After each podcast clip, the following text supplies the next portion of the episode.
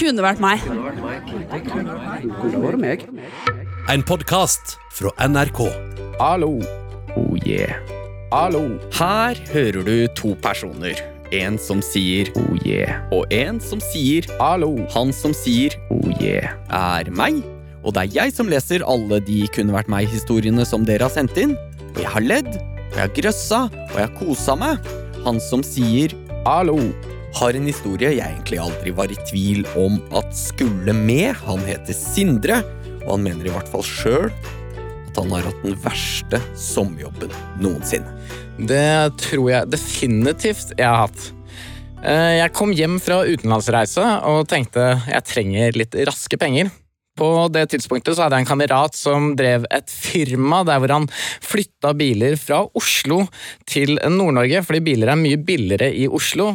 Et eksempel på det kan være at en fyr fra Tromsø finner akkurat den bilen han ønsker seg på finn.no, og den tidligere eieren bor i Oslo-området.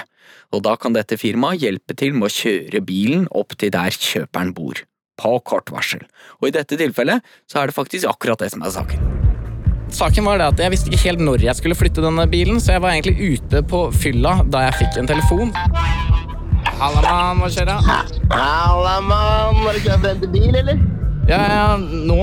Klokka er sånn to eller noe sånt. Nå er morgen tidlig. Kameraten min, også kjent som Henrik Borg fra Ex on the Beach, eller Henriks Borg, artisten, og, eller Rasshølet, min beste kamerat, alt ettersom, Og for de som ikke har sett Ex on the Beach, hvem er han? Uh, han er kjent for å ha en veldig gneldrete latter. Og han er eh, kjent for å være ekskjæresten til Ulrikke Falk. Ja, det var kjempeimponerende. Men det vet jeg ikke om jeg Det kan du vurdere om du vil ha med eller ikke. Men ehm, poenget var i hvert fall at Henrik Borg har og kjørt disse bilene fra Oslo til Troms tidligere for sitt eget selskap. Og jeg har sett det på Snapchat hvor han kjører i de feteste Porschene, Ferrarier og bare altså, biler du bare kan sykle etter. Til og med jeg som ikke er en bilentusiast, blir gira av disse bilene. Så jeg tenker jo ok, 3000 kroner, Oslo-Tromsø. Det er ikke så halvgærent. Uh, Henrik sier til meg at det tar 15 timer. Ja, 15 timer kjøring, 3000 kroner. Kjappe penger, kul bil. Ja, hvorfor ikke? Jeg setter meg på bussen, klarer etter et par timer å finne denne Volkswagen Transporteren. Som for dere som ikke kjenner til biler så godt, så er det en sånn sort kassebil. En tung og jævlig bil, helt uten AUX eller noen form for sånn DAB-radio, så det var absolutt ingen sånne ting. Jeg setter meg inn i bilen. Som en optimistisk person så begynner jeg å kjøre, finner ut raskt at jeg må jo få opp kart og GPS. Taster inn Tromsø, og der står det 22 timer. Og det er faktisk akkurat den tiden det tar hvis man kjører i ett strekk fra Oslo til Tromsø uten pauser og følger fartsgrensa. Og da oppstår det et problem. Planen er jo at Sindre skal fly hjem, og den flybilletten er bestilt. Og det flyet går om nøyaktig 18 timer. Og så sier han til meg Bare kjør litt fort. Litt fort? Altså, det fins fartsgrenser, og det fins liksom Altså, det er ikke måte på hvor mye han mente at jeg skulle bryte disse. Men jeg tenker jo da, jeg skal kjøre litt fort. Så jeg kjører faktisk jævlig fort. Og jeg kjører inn i Sverige, der hvor den raskeste og billigste ruta er. Og jeg har også fått tilbud av min gode, gode venn om at jeg kan ha to middager på denne turen, og det er to tikronersvinnere som han spanderer. Eh, uansett, jeg kjører i full fres oppover i Sveriges skoger, og for dere som har kjørt der, så kjenner dere kanskje til at det er sånn lange, fine landeveier ute i intet. Det er absolutt ingenting der. Eh, men jeg hadde jo vært ute dagen før, jeg hadde stått opp tidlig, så jeg begynte å bli litt sliten. Mens jeg kjører, så kjenner jeg at jeg begynner å duppe sakte. Og det er jo livsfarlig, rett og slett. Så jeg blir jo nødt til å svinge inn til siden. Men Henrik har jo sagt kjør litt fort, du, Sindre. Så jeg tenker jeg skal bare ta meg en kjapp blund. Hvor jeg da tar med en sovepose som jeg hadde gjort klar, for jeg regna med at dette kom til å skje, inn og gjør det klart. Fordi i bagasjerommet på disse transporterne er det jo mye plass. Jeg kan jo ligge helt rett ut. Legger meg ned, slår på alarmen på 15 minutter, lukker øya, sovner på et blunk. Våkner opp igjen. Jeg føler meg litt groggy, men jeg er klar til å kjøre. Og jeg går bort for å åpne opp bagasjeromsdøra, og så er det ikke noe håndtak der. Og så ser jeg meg rundt til de dørene som er på siden av disse bilene, som du kan bare skyve opp. Så jeg går bort, og jeg ser at det er spikra en hylle. Det er tydeligvis en snekker som har hatt den bilen her før meg, som har brukt disse skyvedørene til en slags sånn, ja, innredningsskap. da. Og han er ikke en hvilken som helst snekker, for dette er ikke en hylle du bare kan fjerne enkelt. Nei, dette er snekra jævlig bra. Oi, så du er fanga, eller? Jeg innser brått da at jeg er stuck inni denne ja, denne Volkswagen Transporteren. Og jeg tenker først sånn, det går bra, ikke panikk. Ok, Hva er fakta her? Du er eh, parkert i en sidelomme på en vei med 120-sone midt oppe i Nord-Sverige klokka tre på natta. Eh, Det kommer noen trailere kjørende forbi, men eh, de stopper jo ikke, fordi de kjører jo i 120 eller 100 helvete, alt ettersom. Og jeg, altså sånn der, jeg, jeg, jeg skjønner ikke hva jeg skal gjøre. Men det jeg klarer, da, er at på toppen av denne hylla så har det en liten glippe. Så jeg sklir armen min liksom ut der og klarer å få dratt opp den skyvedøra. Men denne glippa er ikke så veldig stor, så det er ikke plass til en fullvoksen gutt der, selv om jeg er en liten kar. Men jeg stikker armen min ut og prøver å vinke til de trailerne som kommer kjørende forbi, og jeg vinker. Men ingen stopper. Oi, oi, oi, oi, jeg har kjørt på de der veiene. Altså, Dette er Skogs-Sverige, er det ikke det? Dette er, dette er skogs, skogsverre. Og vi må bare stoppe litt her, for det området han kjører gjennom nå, det er helt spesielt. Og hvis du har kjørt her, så skjønner du hva jeg mener. Altså, Det er den svarteste skauen du kan tenke deg. Man kjører bare time på time på time, og alt du ser er trær. Mørke, mørke grantrær på begge sider av veien. Ingen hus, ingen butikker, ingenting. I mils omkrets, altså. Ikke et spesielt hyggelig sted å være fanga inni en bil. Men poenget er i hvert fall, jeg, jeg, jeg begynner jo å bli stressa, da, så jeg, jeg tar av meg på genseren, og så kler jeg av meg skjorta. Og så, og så finner jeg sånn derre Hva kaller man det? Sånn til å ta av dekka med. En sånn der jekkestang. Og så knyter jeg skjorta mi rundt den, og så tenker jeg jeg lager et lite sånn flagg som jeg kan veive med. Og ut under den her litt klønete sprekken så prøver jeg å vinke, og jeg vinker.